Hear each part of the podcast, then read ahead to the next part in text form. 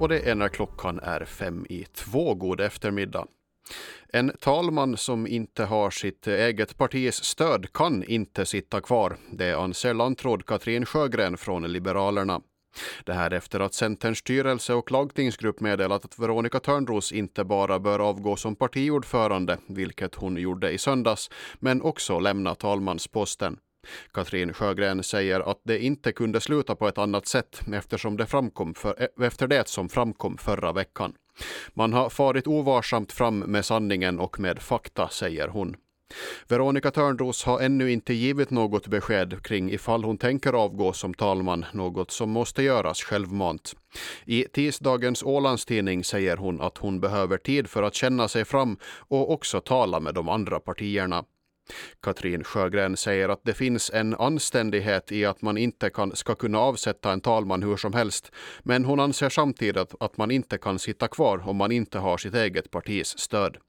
Jag uppfattar att man diskuterar saken väldigt nog, nogsamt inom Centern och har olika möjliga lösningar, säger hon. Landskapsregeringen har presenterat ett åtgärdsprogram för frågor som berör äldre. Programmet sträcker sig i första hand fram till och med 2027.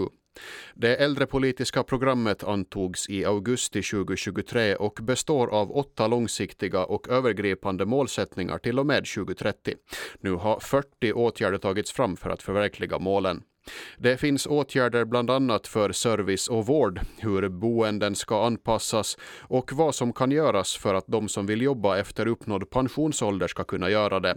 Åtgärdsprogrammet ska revideras till åren 2028 till 2030. Kommunerna är ansvariga för äldreomsorgen och nu vill landskapet tillsätta en tankesmedja med alla inblandade för att diskutera hur framtidens äldreomsorg ska se ut. Vi stöter på att det kan vara lite halvtrögt när vi ska utveckla vår äldrepolitik och därför vill vi samla alla aktörer och gemensamt komma fram till vad som är bäst, säger socialminister Arsim Sekai från Socialdemokraterna. Gränsbevakningen ska ta över ansvaret för räddningsverksamheten vid fartygsoljeskador och fartygskemikalieolyckor i Ålands yttre havsområden. Landskapsregering har gett sitt samtycke till en ny eh, överenskommelseförordning om gränsbevakningsväsendets uppgifter på Åland. Än så länge är det landskapet som har det ansvaret och innan den nya förordningen kan sättas i kraft ska Ålandsdelegationen ge ett utlåtande. I de inre havsområdena kommer landskapet att fortsätta ansvara för beredskapen och räddningsverksamheten vid fartygsoljeskador och fartygskemikalieolyckor.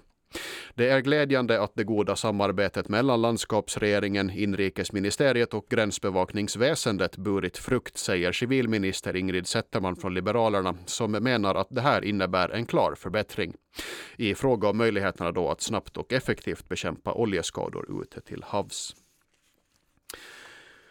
Och eh, Två av Kokkikartanos pastaportioner återkallas eftersom de kan vara kontaminerade med bläckfiskbläck. Det meddelar, meddelar Livsmedelsverket.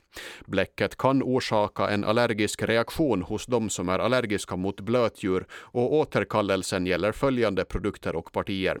Kokkikartanos tomat och getospasta 300 gram med sista förbrukningsdag 16 februari 2024, 26 februari 2024 och och 29 februari 2024. Och det gäller också Kokki Kartanos het chorizo-pasta 300 gram med sista förbrukningsdag 16 februari 2024, 21 februari 2024 och 26 februari 2024.